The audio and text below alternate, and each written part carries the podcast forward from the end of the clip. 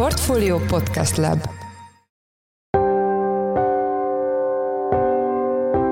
Mindenkit üdvözlünk, ez a Portfolio Checklist december 20-án kedden. A mai műsor első részében arról lesz szó, hogy közös sajtótájékoztatót tartott a pénzügyminiszter és az Államadóságkezelő Központ vezérigazgatója.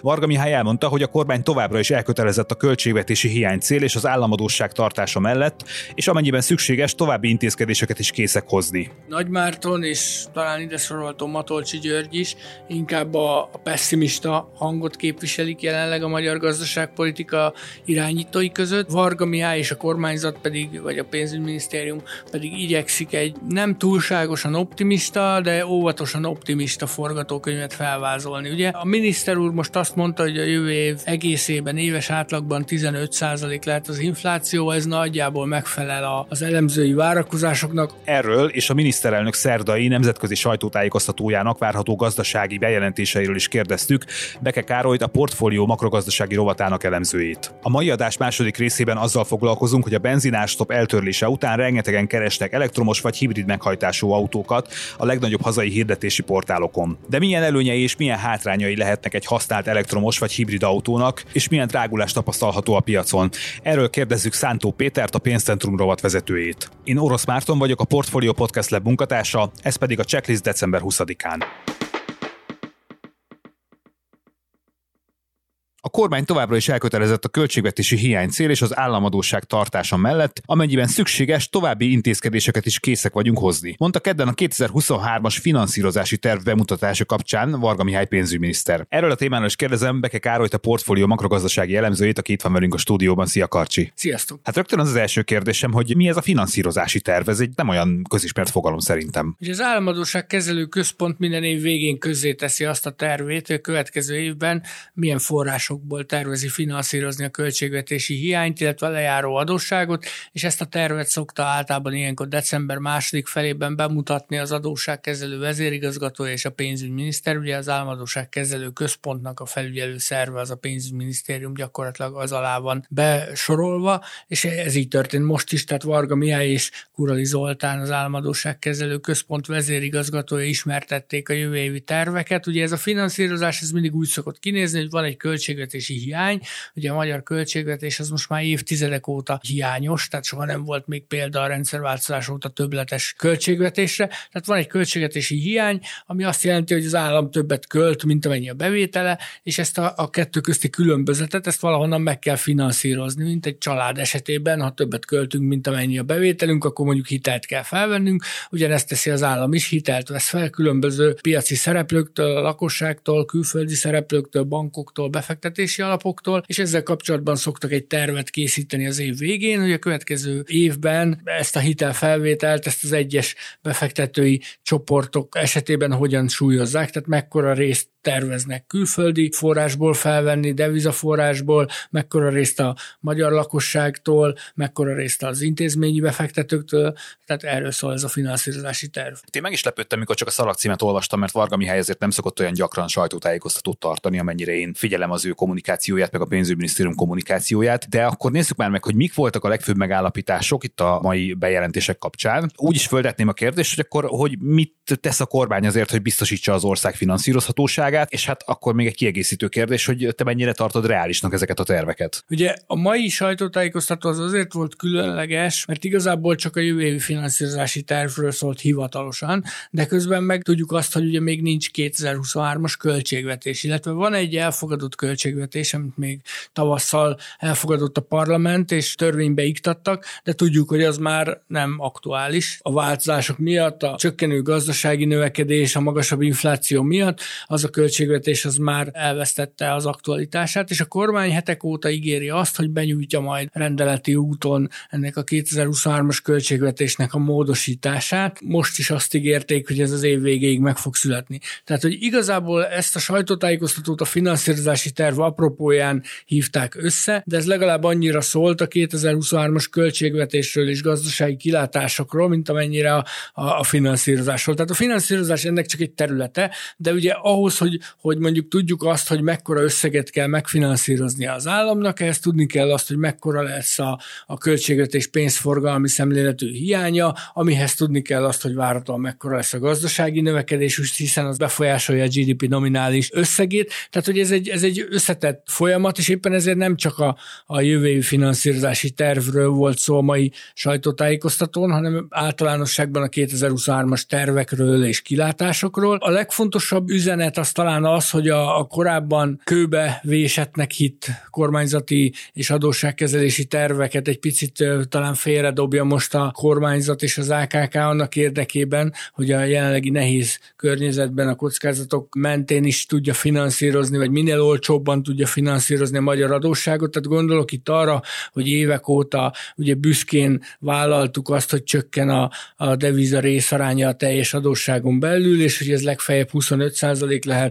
Most ezt a 25%-os határértéket, ezt 30%-ra emelték, mert azzal számolnak, hogy a deviza finanszírozás az olcsóbb, és akkor inkább devizában adósodjunk el. Ez azért egy jelentős visszalépés a, a nagyjából tíz éve hangoztatott kormányzati tervekhez képest, amikor arról beszéltünk, hogy, hogy nem érdemes devizában eladósodni. De ugyanide sorolható az, hogy például a forint kötvények átlagos hátralévő futamidejét jelentősen csökkentik jövőre 9 évről 6 évre. Tehát az AKK ezt azzal indokolta, hogy nem szeretnék hosszú időre beégetni a jelenlegi magas kamatokat. Tehát most egy nagyon magas kamatszint, nagyon magas hozamszint mellett tud eladósodni az állam, részben az infláció, részben a globális kockázatkerülés miatt magasan vannak az állampapírpiaci hozamok, nem csak Magyarországon, hanem úgy egyébként az egész világban, és azt próbálja most elkerülni az AKK, hogy még mondjuk 10-15 év múlva is ezeket a magas kamatokat kelljen fizetni, ezért most átmenetileg megpróbál rövidebb futamidejű papírokat kibocsátani, és minél rövidebb időre ennek a terhét magára venni. Egyébként maga a finanszírozási terv reálisnak mondható, a kormány továbbra is tartja magát ahhoz, hogy a GDP arányában 3,5%-os költségvetési hiányjal számol,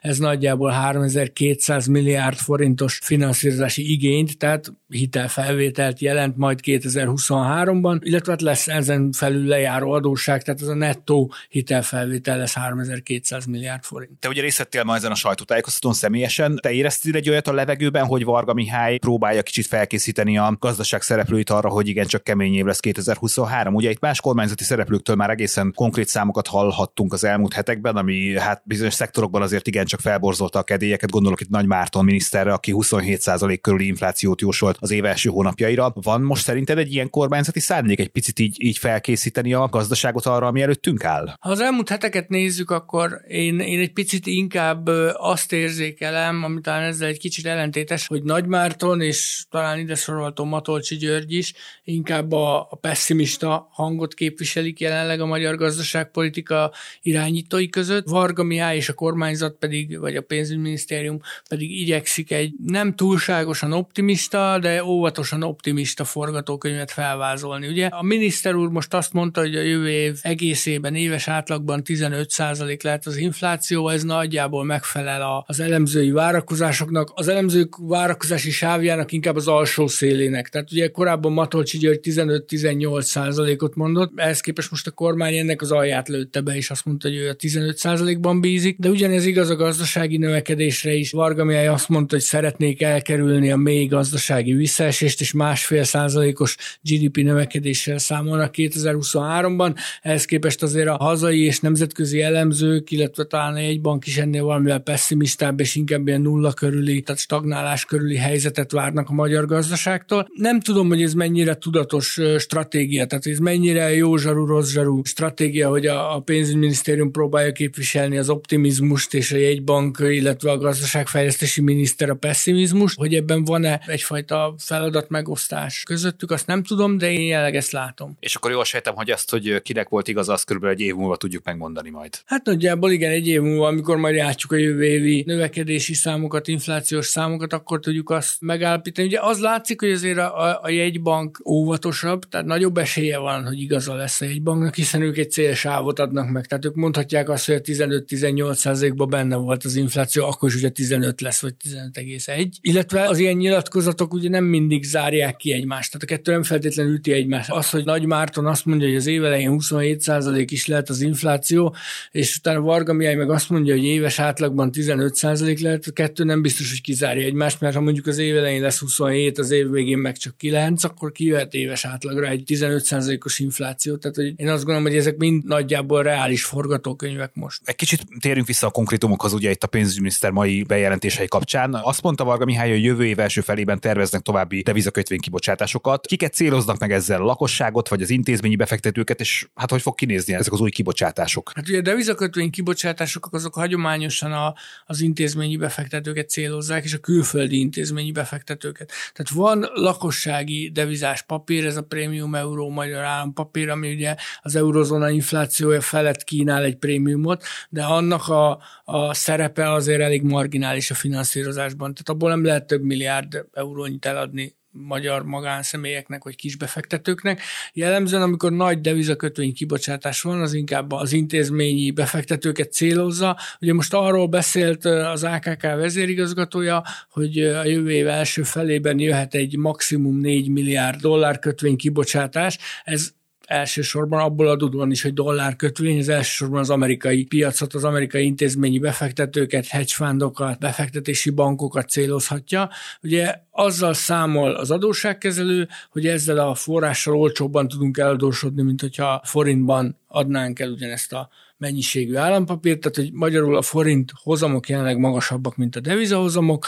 Ha nem lesz semmilyen rendkívüli esemény, nem gyengül drámaian a forint, akkor működhet ez a stratégia. Ugye a forint gyengülés az itt azért kavarhat be, mert egy euróban vagy dollárban nyilván tartott adósság az a deviza gyengüléssel automatikusan emelkedik a forintban számolt értéke, akkor is, hogyha egyébként nem változik. Tehát azért mondom, hogy itt egy, egy jelentős forint gyengülés azért bekavarhatna, de egy picit talán kockázatosnak minősíthető ez a terv, de, de ez a terv, hogy, hogy egy ilyen minél olcsóbb finanszírozási formát találjon az állam. Korábban éppen az árfolyam kockázat miatt vetettük el a devizaadósságot, és mondtuk azt, hogy nem kéne devizában eladósodni. Az elmúlt 10-12 évben Orbán Viktor is többször képviselte ezt az álláspontot, hogy, hogy minden inkább forintban, és minden inkább a hazai befektetői körre támaszkodva, de hát vannak olyan rendkívüli helyzetek, mint például mostani, amikor nem nagyon van más lehetőség. Tehát amikor mondjuk a lakosságtól nem lehet akkora összeget bevonni, a hazai intézményi befektetői körtől csak drágán lehet, lehet forrást bevonni, akkor, akkor el kell menni, és meg kell, meg kell nézni azt, hogy honnan tudunk még finanszírozást szerezni. Esette szó a lakossági állampapírok piacáról. Ugye tudjuk azt, hogy ez az egyik legnépszerűbb megtakarítási befektetési forma Magyarországon. Óriási pénzeket tart a lakosság állampapírban. Itt várhatóak-e átalakítások, új termékek 2023-ban? Igen, az államadóság kezelő elfogadta az új lakossági állampapír piaci stratégiáját. A miniszter úr úgy fogalmazott, hogy, hogy a cél az a termékpaletta egyszerűsít, bővítése és az ügyfélkör bővítése. Tehát ebből azt a következtetést lehet levonni így elsőre, hogy valószínűleg kevesebb lakossági termék lesz, de azok lehet, hogy vonzóbbak lesznek akár, mint a mostaniak, és még inkább megpróbálják megszólítani a, a, a lakossági befektetőket. Amennyi konkrétum elhangzott, abból azt lehet leszűrni, hogy nagyjából három alappillére lesz a lakossági állampapír palettának a következő időszakban.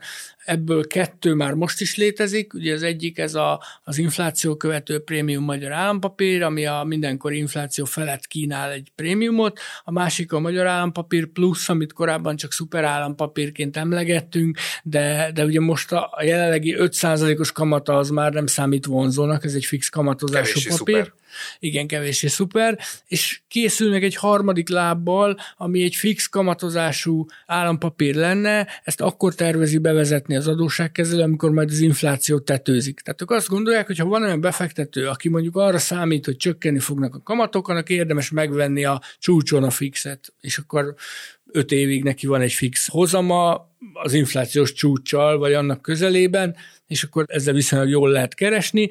Ugyanígy, aki mondjuk abban bízik, hogy továbbra is magas marad az infláció, az megveheti a bónuszt, illetve lesz továbbra is a MÁP plusz, ami egy rugalmasabb konstrukció lesz, gyakrabban lehet visszaváltani, olcsóbban lehet visszaváltani, és az a terv, hogy ezt a MÁP pluszt fogják majd átárazni valamikor 2023-ban, tehát azért ezt az 5%-os kamatot ezt látjuk, hogy emelni kell ahhoz, hogy az újra vonzó legyen a lakossági befektetők számára. Az adósságkezelőnek az a célja, hogy, hogy, hogy ennek az állománya elkezdjen szép lassan csökkenni, és amikor elér egy olyan szintet, ami már nem okoz likviditási problémát, akkor ezt elkezdik átárazni, és megemelik a kamatát. Kacsi, két kérdésem lenne még egyrészt, hogy beszélte arról a pénzügyminiszter, hogy, hogy mikor érkezhetnek az uniós források. Mi most ezekkel a helyzet, és mi a kormányzati tervezekkel kapcsolatban? Van-e a kormánynak konkrét időzítése erre? Ugye az uniós forrásokkal kapcsolatban továbbra is nagyon sok a kérdőjel, és nagyon ma sem lettünk okosabbak. Tehát amikor az újságírók rákérdeztek Varga Mihálynál, akkor ő azt mondta, hogy reményeik szerint az év elején már történhetnek lehívások, aztán ezt úgy részletezte, vagy úgy pontosította, hogy az agrártámogatások minden bizonyal már januártól érkezni fognak, ez nem meglepetés, ezt eddig is tudtuk, ugye ezek nincsenek felfüggesztés alatt, és remélik azt, hogy a helyreállítási alap, illetve az új operatív programok forrásai is akár már az első fél évben megnyílhatnak. Ugye igazából most mindenki a részletekre vár, tehát azt tudjuk, hogy elfogadásra javasolták a magyar helyreállítási program programot, illetve a, az operatív programokat. Nem tudjuk azt, hogy, hogy most pontosan melyik források lehívásához van szükség további feltételek teljesítésére, tehát hogy például az operatív programok esetében csak a, a felfüggesztéssel érintett három operatív program lehívása késlekedik, vagy az összes összeset befagyasztják addig, amíg nem teljesítjük a további feltételeket. De egyébként valószínűleg az év első felére tervezett 4 milliárd, maximum 4 milliárd dolláros devizakötvény kibocsátás az részben annak is szólhat, hogy a kormány úgy számol, hogy azért az év első felében nagyon nagy szerencse kéne ahhoz, hogy uniós forrásokhoz jussunk, és ezt próbálja áthidalni inkább ezzel a piaci finanszírozással, de én azt gondolom, hogy a következő hetekben azért lesznek még itt tisztázó kérdések, nyilatkozatok az uniós források kapcsán. Ma bejelentették azt is, hogy Orbán Viktor miniszterelnök szerdán tart egy sajtótájékoztatót. Várunk-e ezen gazdasági válaszokat, esetleg bejelentéseket, például a költségvetésről vagy más, más számokról? Mi az, amit elemzőként ti vártok ettől a holnapi sajtótájékoztatótól? Mire lesz érdemes figyelni? Ugye egyrészt ez egy ilyen emblematikus pillanat szokott lenni, minden évben egyszer van egy kormányinfo, amikor a miniszterelnök kiáll a hazai és nemzetközi sajtó elé, és válaszol a kérdésekre. Egyébként ritkán lehet neki kérdést fel feltenni. Ugyanakkor nem tudjuk azt, hogy ezek a döntések megszületnek-e már akkor. Tehát ugye holnap délelőtre hívták össze ezt a sajtótájékoztatót, Varga Mihály azt mondta, hogy holnap lesz kormányülés, hát gondolom, hogy nem délelőtt 10 órára fog befejeződni a kormányülés, hanem valószínűleg inkább utána lesz, vagy közben lesz. Tehát nem tudjuk, hogy, hogy azok, a, azok a döntések megszületnek-e már, amikre várunk. Egyrészt ugye az új költségvetés, tehát a 2023-as költségvetés tárgyalhatja a kormány, nem tudjuk, hogy születik-e arról döntés mondjuk délelőtt 10 óráig, másrészt amire hetek óta várunk ez a, a családtámogatási intézkedések jövője, ugye a babaváró hitel és az otthonfelújítási támogatás határideje is lejár december végén, ezzel kapcsolatban nincs még kormánydöntés, hogy ezeket meghosszabbítják-e, ma is azt mondta Varga Mihály, hogy az év végéig ezzel kapcsolatban várhatók döntések a kormányzattól. Elképzelhető, hogy Orbán Viktor még csak megelőlegezni fogja majd ezeket a döntéseket, de én azt gondolom, hogy mindenképpen fontos lesz az, hogy ő mit mond ezekben a kérdésekben, mert azért az elmúlt 12 év az megtanította szerintem azt, hogy amit Orbán Viktor mond, az nagyon nagy eséllyel úgy is lesz. Tehát, hogy lehet, hogy még konkrét döntés nem születik, de hogyha a miniszterelnök mondjuk azt mondja, hogy meghosszabbítjuk ezeket a családtámogatási intézkedéseket, akkor szerintem az vehetjük majd készpénznek, hogy ez így fog történni. Hát természetesen élőben közvetítjük majd az eseményt holnap a portfólión, úgyhogy érdemes lesz minket figyelni holnap délelőtt is. Meglátjuk, hogy lesznek-e izgalmak. Karcsin, köszönöm szépen, hogy itt voltál velünk a stúdióban. Köszönöm szépen, sziasztok! Az elmúlt percekben Beke Károly a portfólió makrogazdasági rovatának elemzője volt a checklist vendége. Egyelőre nem szabadulnának pánikszerűen a magyarok a benzines, dízeles autóiktól, tudta meg a pénzcentrum a legnagyobb hazai hirdetési portáloktól. Mint kiderült, a benzinástop eltörlése után viszont rengetegen kerestek elektromos, hibrid vagy egyéb alternatív hajtású kocsikat. Erről a témáról kérdezem Szántó Pétert, a pénzcentrum rovatvezetőjét. Szia Peti, köszöntelek a checklistben. Szia Marci, üdvözlöm a hallgatókat! Hát Peti, hogy néz ki most a magyar használt autópiac? Meg tudunk-e határozni olyan trendeket, amik a 2022-es évet dominálták? Igen, hát most egyelőre azt látni, hogy a belföldi adásvételek száma az éves szinten egy 2-3 százalékkal még meg is döntik a tavalyi rekordévet, olyan 838 ezer autóadásvétel lesz vélhetően 2022-ben, Mindez pedig annak ellenére történik így, hogy egyébként az autók drágultak időközben, a nagyautós portálok adatai szerint a hirdetések átlagára olyan 10-15 százalékkal emelkedett az éveleje óta.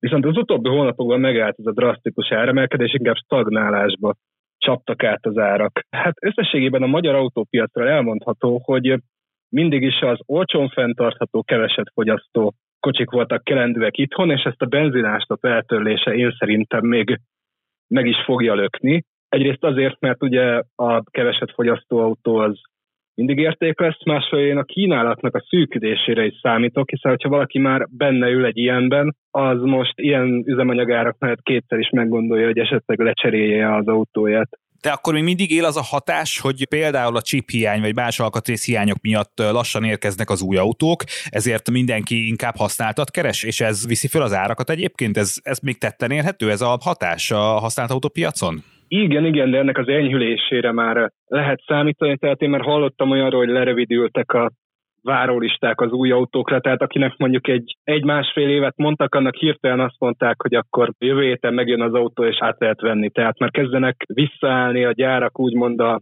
normális kerékvágásba, és a szakértők szerint is a jövő évnek a első negyed évében, vagy a második negyed év elejében már nagyjából emberi állapotokat tapasztaltunk a piacon, és ugye ez hatással lesz majd a használt autók árára is.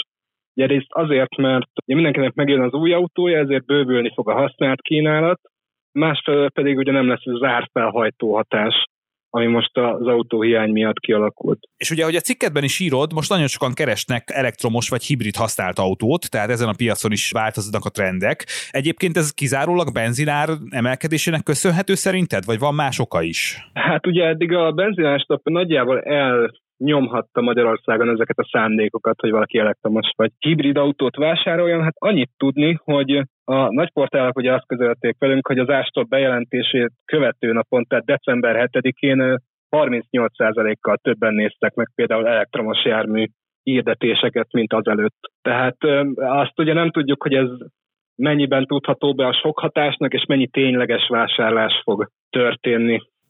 Vagy az is lehet, hogy mindenki karácsonyra szeretne új autót a fa alá. Igen, hát akkor igyekezni kell, mert átírni már biztos, hogy nem fogja tudni.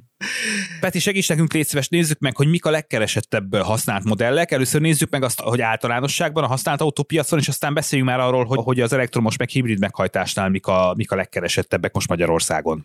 Igen, hát úgy összességében az importadatokra nagyon jól tudunk hagyatkozni, amik szerint 2022. november végéig igazándiból a legtöbbet Volkswagenből, Opelből és Fordból importáltak Magyarországon, nyilván azért, mert ezeket ezeket keresik az emberek, és ezeket ki lehet pörgetni hamar. Hát ugye a hibridek tekintetében a Toyota az már legendásan legendásan jó hibrid autókat készít, ugye ezeknek szárnyal is az ára a piacon, tehát akár a már említett 10-15%-os drágulás felett is emelkedhetett akár a Toyota hibridjeinek az ára, de egyébként egyre több gyártó érkezik konkurens hibrid modellekkel, Úgyhogy ezen a piacon is akár némi megtorpanást tapasztalhatunk az árak tekintetében, illetve nagyon sokan keresik az Opel Amperákat, illetve a Chevrolet Voltokat, ugye ezek ilyen plug-in hibridek, ezek már megkaphatják a zöld rendszámot, és most ott tartunk, hogy ilyen 2013, 15, 16 környékén gyártott autókért 5 millió forintot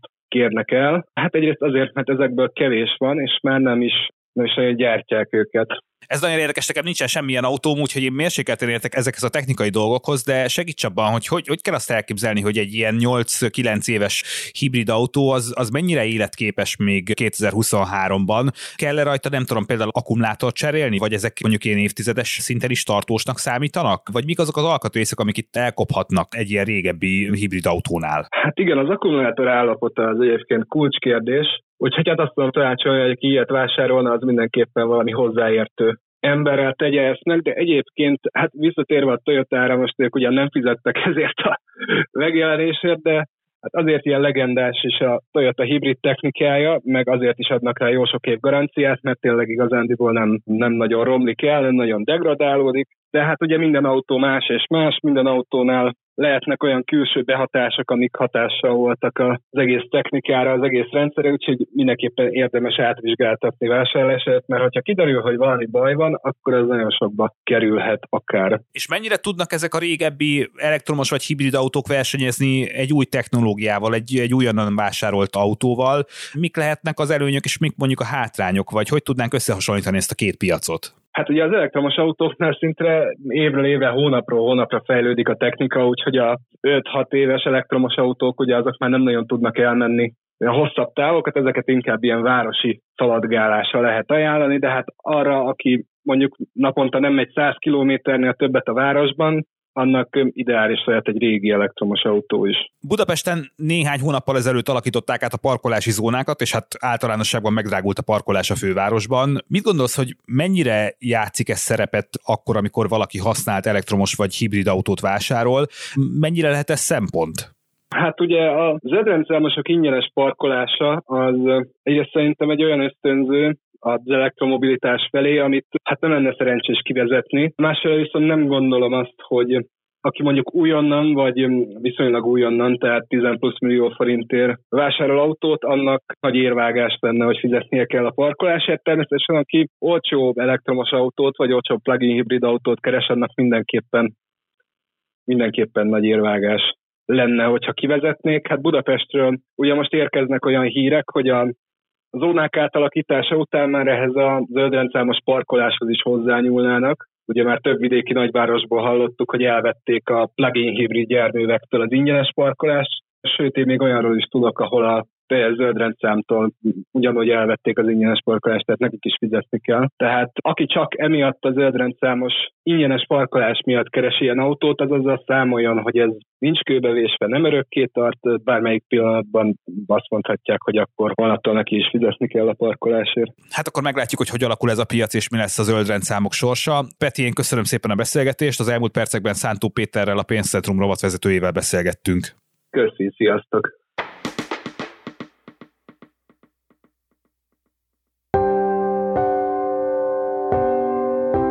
Ez volt már a Checklist, a Portfólió munkanapokon megjelenő podcastje. Ha tetszett az adás, iratkozz fel a Checklist podcast csatornájára azon a platformon, ahol podcasteket hallgatsz. A mai műsor elkészítésében részt vett Báhidi Bálint, Forrás Dávid és Gombkötő Emma, a szerkesztő pedig én Orosz Márton voltam. Új adással holnap, azaz szerdán 5-kor jelentkezünk, addig is minden jót kívánunk, sziasztok!